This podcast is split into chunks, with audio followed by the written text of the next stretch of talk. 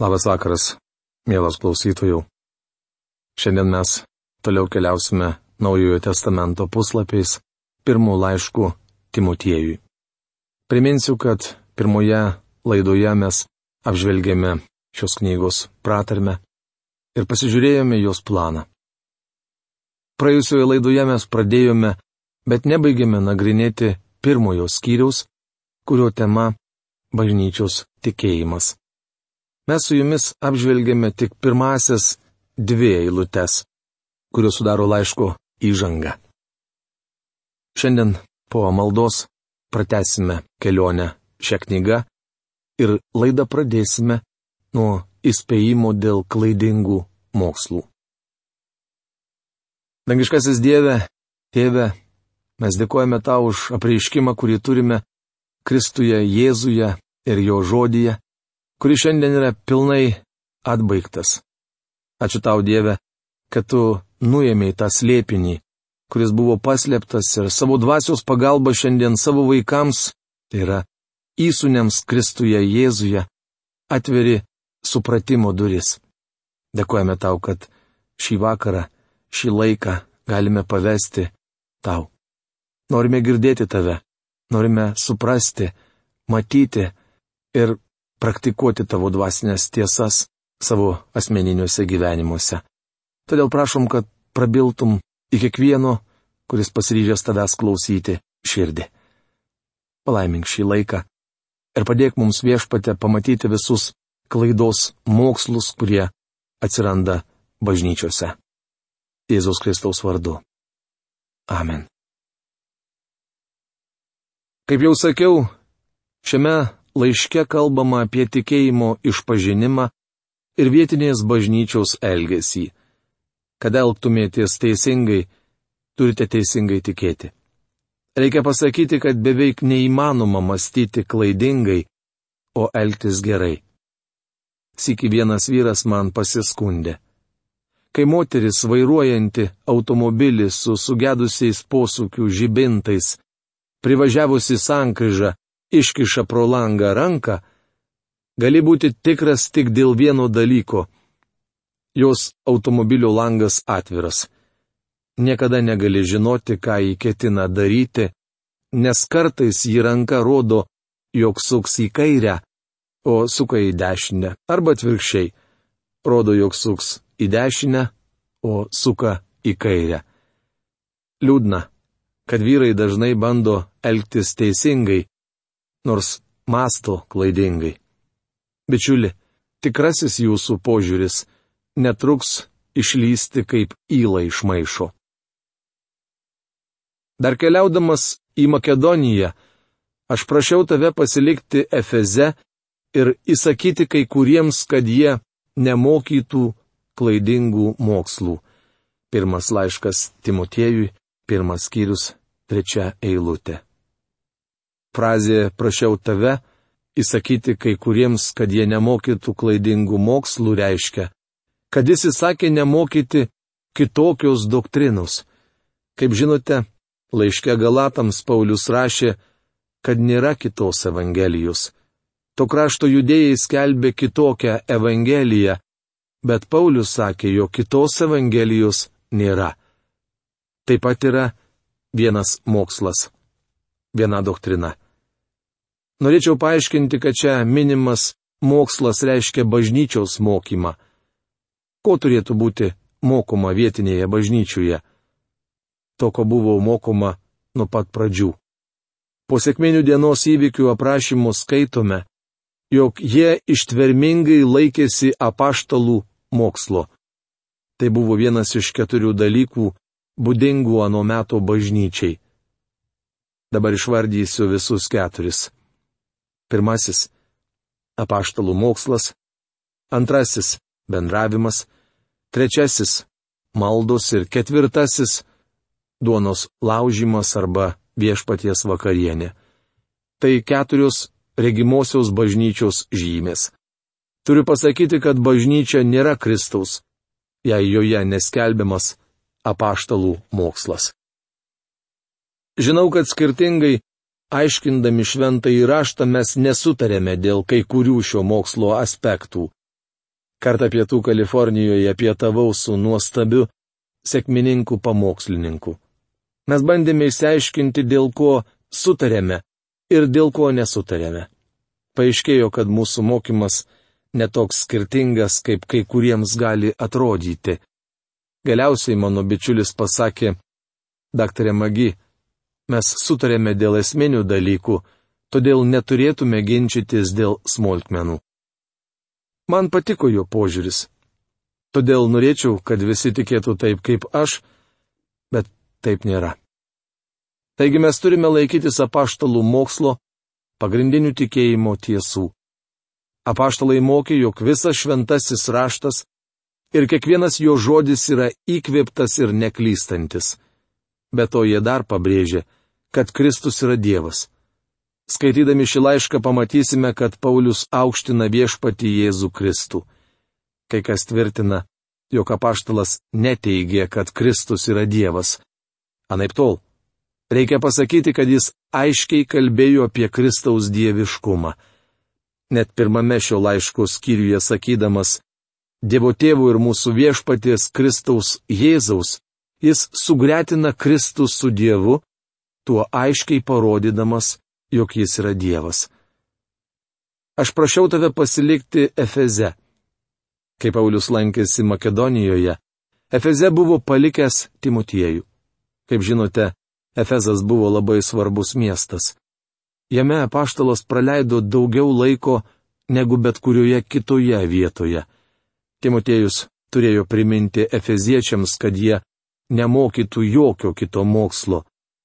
Dar kartą pabrėžiu, kad jei bažnyčios mokymas neteisingas, jie iš viso nėra bažnyčia. Nesvarbu, kiek joje yra diakonų, vyresniųjų, pastorių, horvedžių, horistų ar sekmadienio mokyklos klasių. Jei nėra mokslo, nėra bažnyčios. Bet to, kaip rašoma apaštalų darbų knygoje, bažnyčia turi laikytis apaštalų mokslo. Neusiminėtų pasakomis ir begaliniais kilmės sąrašais kurie veikiau kelia ginčius, negu yra pravartus išganingiams Dievo sumanimams, įgyvendinamiems tikėjimu. Pirmas laiškas Timotiejui, pirmas skyrius, ketvirta eilutė. Posakį neužsiminėtų pasakomis, anot kosto burbulio galima versti taip - neužsiminėtų mitais. Anomis dienomis Efezas buvo paslaptingų religijų centras. Šiame mieste stovėjo šventyklos deivėms Adrianai, trojėniai bei didžioji Diano šventykla. Visa tai buvo dalis graikų mitologijos, kurios turėjo saugotis Efezo tikintieji. Gali būti, kad pasakomis arba mitais Paulius vadina filo filosofiją. Filas buvo žymus ir galvotas izraelitas, sudvasinęs Senojo testamento tiesas. Kitaip tariant, jis bandė paversti jas mitu. Kai kuriuose senose denominacinėse seminarijose ir šiandien dėgiamas panašus požiūris. Pavyzdžiui, juose mokoma, jog pradžios knygoje surašyti mitai ir pramanytos istorijos apie neegzistavusius žmonės. Reikia pasakyti, kad naujausi archeologiniai atradimai patvirtina pradžios knygos tikslumą. Galbūt dėl to, net liberalios teologijos šalininkai vis dažniau atsiriboja nuo tokio mokymo. Begaliniais kilmės sąrašais. Gali būti, kad čia apaštalas omenyje turi klaidingą mokymą, kad bažnyčia yra judaizmo tesinys ir atėjus naujam laikotarpiui, Dievas nesielgia su žmogumi kitaip. Deja, toks mokymas sukelia didelę painiavą, kitaip tariant, pasidaro visiškai neaišku, kokią vietą Dievo plane užima Izraelis ir kokią bažnyčią. Be to graikai skelbė mokslą vadinamą demirgu, kuris buvo pirmosios bažnytinės erezijos, tai yra agnostitizmo filosofijos dalis. Šio mokslo skelbėjai kalbėjo apie emanaciją iš dieviško centro. Tarptautinių žodžių žodinė emanacija reiškia išspinduliavimas, išsiliejimas, pasaulio atsiradimas ar įvairių būties formų atsiradimas iš absoliuto. Pasak jų, pradas sukūrė būtybę. Ta būtybė sukūrė kitą už save menkesnę būtybę, ta dar kitą ir taip toliau. Graikai norėjo įsprausti Jėzų į šią grandinę kaip vieną iš kūrinių. Kurie veikiau kelia ginčius, negu yra pravartus išganingiams Dievo sumanimams įgyvendinamiems tikėjimu. Trumpai tariant, Paulius sako Timotiejui, kad visi šie klaidingi mokslai nestatydina žmogaus tikėjime. Manau, bažnyčiose, kuriuose skelbiama teologija, aiškiai matosi ilgus metus brandinto netikėjimo vaisius. Jos išaugino ko ne beširdžius žmonės, neturinčius nemenkiausio tikėjimo. Jie atmetė Dievo žodį ir to pasiekmes akivaizdžios. Šio priesako tikslas yra meilė iš tyro širdies, geros sąžinės ir nuoširdaus tikėjimo. Pirmas laiškas Timotėjui, pirmas skyrius, penkta eilutė. Meilė iš tyro širdies. Kaip matome rašydamas jaunam pamokslininkui, Paulius vartoja draugiškas nuoširdžias frazes, kurių nerandame jo laiškuose bažnyčioms. Apaštalas sako Timotiejui, jog tai, ko mokoma bažnyčioje, turėtų pažadinti meilę iš tyros širdies. Ji yra prieš priešą mūsų senajai prigimčiai. Tyra meilė prieinama tik tam, kuris buvo padarytas teisiu Kristuje ir dabar gali nešti dvasios vaisių. Tikriausiai žinote, kad meilė yra šventosios dvasios vaisius. Iš šio laiško akivaizdu, kad bažnyčioje turi atsiskleisti trys dalykai. Visų pirma, tikėjimas, turiu omenyje tikėjimą Dievu ir jo žodžiu. Antrasis dalykas - meilė, kuri nėra vien žodžiai. Iš tikrųjų, meilės išraiška yra rūpinimasis kitais. Mylintis žmogus neskleidžia paskalų ir nesistengia kitiems pakengti. Žinau bažnyčią, kurios nariai darė viską, kas tik buvo įmanoma, kad sužlugdytų savo pastoriaus tarnavimą. Jie melagingai kaltino savo pastorių neva, šis neskelbė Dievo žodžio, nors jis tai darė. Įdomiausia, kad šmeiždami Dievo vyrą jie kalbėjo apie meilę. Kokia veidmainystė. Dar kartą kartoju, kad meilė nėra vien žodžiai, jos išraiška yra darbai. Tikėjimas, kaip ir meilė, privalo įsiveikti bažnyčios gyvenime. Mums reikia organizacijos, ir bažnyčios tarnautojų, o bažnyčios valdymo forma yra netiek svarbi. Jei nėra tikėjimo ir meilės, jūsų tariama bažnyčia tai yra religinė ložė ar klubas. Tačiau jei bažnyčioje tarpsta tikėjimas ir meilė, jos valdymo forma nėra labai svarbi. Trečias dalykas, kuris turėtų atsiskleisti bažnyčios gyvenime, yra gera sąžinė. Nemanau, kad sąžinė yra geras vadovas net tikinčiajam tačiau tikinčio žmogaus sąžinė privalo būti gera. Galbūt jūs vakare atsigulęs į lovą gailitės dėl kokio nors savo poelgio ar ištarto žodžio. Žinau, kad tai patiria daugelis jautrių krikščionių. Kartą man paskambino vienas žmogus ir graudžių balsų tarė, aš pasakiau prieš jūs kažką, ko neturėjau sakyti. Tikiuosi atleisite man. Aš nustebau, nes nieko apie tai nežinojau. Spėju, jog tas vyras negalėjo užmigti dėl sąžinės graužaties. Mielas bičiuli, gera turėti jautrę sąžinę. Reikia pripažinti, kad daugelio žmonių sąžinė yra surambėjusi, kitaip tariant, jie yra nejautrus gėriui ar blogiui. Paulius sako, kad šios trys nuostabios savybės - meilė, gera sąžinė ir tikėjimas - turi atsiskleisti vietinės bažnyčios tikinčiuosiuose. Kai kurie nuklydė nuo šių dalykų, paskendo tuščiuose plepaluose.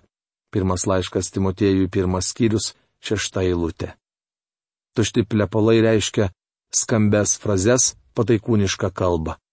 Kai kurie žmonės nuolat stengiasi įsiteikti kitiems, tapšnoja kiekvienam sutiktam per petį, tačiau tai nieko nereiškia. Jie norėtų būti įstatymo mokytojais, nors nesupranta nei ką kalba, nei ką tvirtina. Pirmas laiškas Timotėjui, pirmas skyrius septinta eilutė. Kaip matome, Paulius kalba tiesiai šviesiai. Jis aiškiai sako, jog kai kurie žmonės skleidžia melą ir daro tai su giliu įsitikinimu. Jie atmeta Dievo žodį ir iš tikrųjų ne patys nesuvokia, ką kalba. Mes žinome, jog įstatymas yra geras, jeigu žmogus jo deramai naudojasi. Pirmas laiškas Timotiejui, pirmas skyrius aštunta eilutė. Šioje laiško dalyje ragindamas tikinčiuosius saugotis klaidingo mokslo, Paulius paminėjo paslaptingas religijas bei stabmeldystę, klestėjusią Efeze. Be to apaštulas įspėjo sergėtis melagingo mokymo, kurios kleidėjai kesinosi paversti Senąjį testamentą mitų rinkiniu.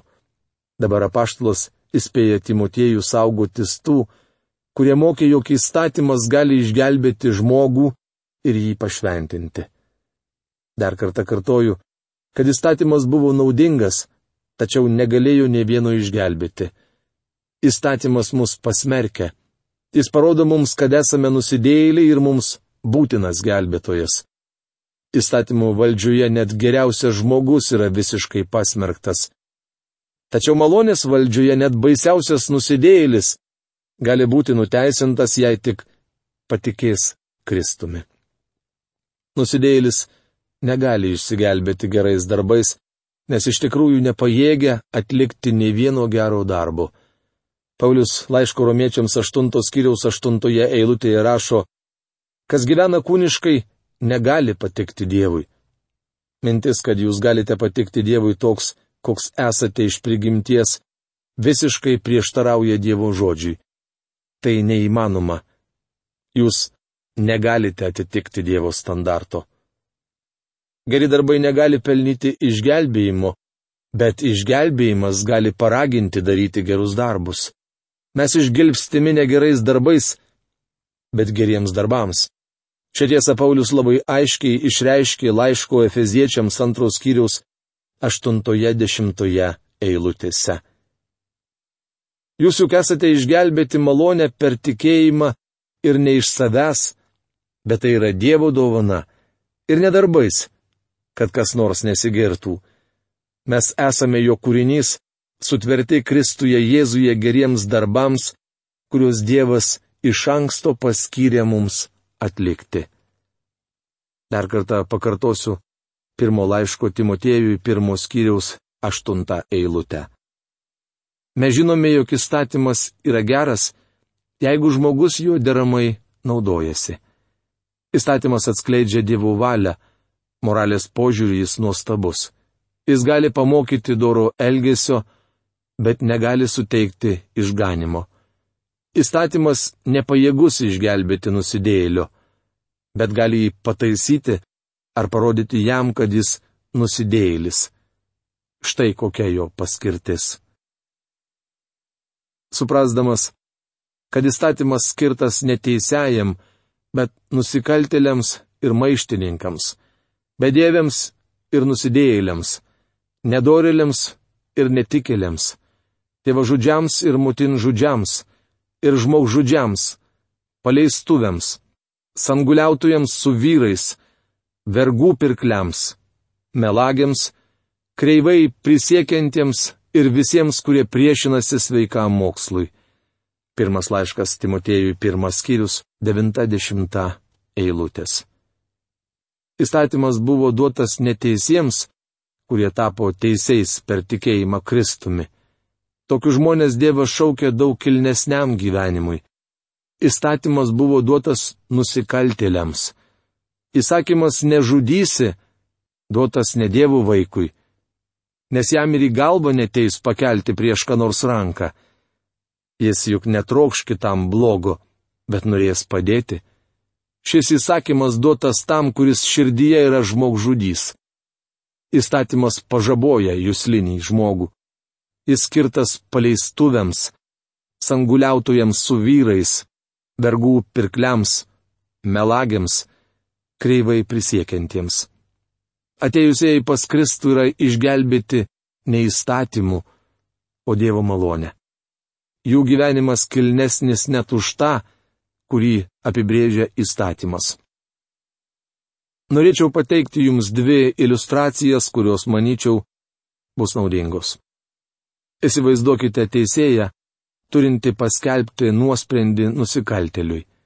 Žmogus, kurį jis teisė, iš tiesų kaltas, todėl privalo sumokėti didelę baudą ir sėsti į kalėjimą. Tačiau teisėjas sako, aš turiu sūnų, kuris myli šį žmogų, tačiau jis sulaužė įstatymą ir aš privalau jį nubausti. Mano sūnus turtingas ir sutiko užmokėti nusikalteliui priteistą baudą. Bet to jis nusprendė už šį žmogų atlikti bausmę kalėjime. Taigi jam skirta bausmė įvykdyta. Aš pasimsiu šį nusikaltelį į savo namus ir elgsiuosi su juo kaip su sunumi. Parsivedęs nusikaltelį į savo namus, teisėjas nebesako jam, nežudysi arba nevoksi. Priminsiu, kad šie įsakymai užrašyti išeimo knygos 20 skyriaus 13 ir 15 eilutėse. Dabar šis žmogus yra jo sunus. Teisėjas mokėsi įmylėti kitus namiškius, gero elgesio prie stalo, namų ruošos darbų bei pagarbos žmonai. Matote, dabar su šiuo žmogumi elgiamasi visai kitaip nei anksčiau. Taip Dievas elgesi su tikinčiu nusidėjėliu. Mes esame virš įstatymo ir už jo ribų. Įstatymas skirtas tam, kuris jį laužo. Jis kontroliuoja senąją prigimtį, kitaip tariant, kūną. Pateiksiu dar vieną iliustraciją. Šią istoriją prieš daugelį metų papasakojo daktaras Haris Ironsidas. Pabuvojęs indienų konferencijoje Flekstafe, Arizonos valstijoje, daktaras Ironsidas pasiemė su savimi vieną krikščionį indieną į Auklendą, Kalifornijos valstiją. Jis paprašė svečio, kad pasidalintų Dievo žodžiu su jaunimu, kuris buvo susipainiojęs tarp įstatymo ir malonės. Tie jaunuoliai negalėjo iki galo suprasti, kokią vietą krikščioniškame gyvenime užima įstatymas. Indienas paaiškino. Aš atvažiavau čia iš Flekstafo traukiniu, kuris kelioms valandoms buvo sustojęs barstove. Tenai stoties laukiamajame mačiau užrašus ant sienų prašome nespjaudyti ant grindų. Tai buvo reikalavimas stoties lankytojams. Pažvelgęs į grindis pastebėjau, kad niekas šio reikalavimu nepaisė. Kai atvykome į Auklendą, mane paviešėti priėmė viena miela krikščioniška šeima. Sėdėdamas jų svetainėje, mačiau ant sienų daug gražių paveikslų, tačiau neišvydau užrašo. Prašome nespjaudyti ant grindų. Atsiklaupęs apčiupinėjau rankomis kilimą ir įsitikinau, kad niekas nebuvo ant jo nusispjovęs. Barstovo stotyje galiojo įstatymas, o namuose, kuriuose apsistojau, malonė. Reikia pasakyti, kad būdamas įstatymo valdžioje, žmogus neįstengė jo laikytis ir nuolat jį laužė. Atsidūręs malonės valdžioje, žmogus priimamas į Dievo šeimą todėl nebenori žudyti ir meluoti. Jei tai padaro, praranda bendrystę su Dievu. Baigdamas pasisveikinimą Paulius priduria. Ir visiems, kurie priešinasi sveikam mokslui. Ši frazė apriepia visas neįvardytas nuodėmės. Mielas klausytojau, ir šį vakarą aš noriu Jūs palikti su klausimu. Kokiojegi jūs esate valdžioje. Įstatymu? Vis bandote savo gyvenimą paremti ir tvirtinti, kad jūs laikotės jo? Kad jūs esate geras ir atitinkate įstatymo reikalavimus? Nežudote, nevagėte. Ar vis dėlto supratote, kad įstatymas tai yra veidrodis, į kurį pasižiūrėjus matome, kad esame nešvarus, purvinas, susivėlęs? Taigi, aš noriu Jūs palikti su šiuo klausimu. Išsiaiškinkite ir gaukite atsakymą. To linkėdamas noriu užbaigti šios dienos laidą. Sudė.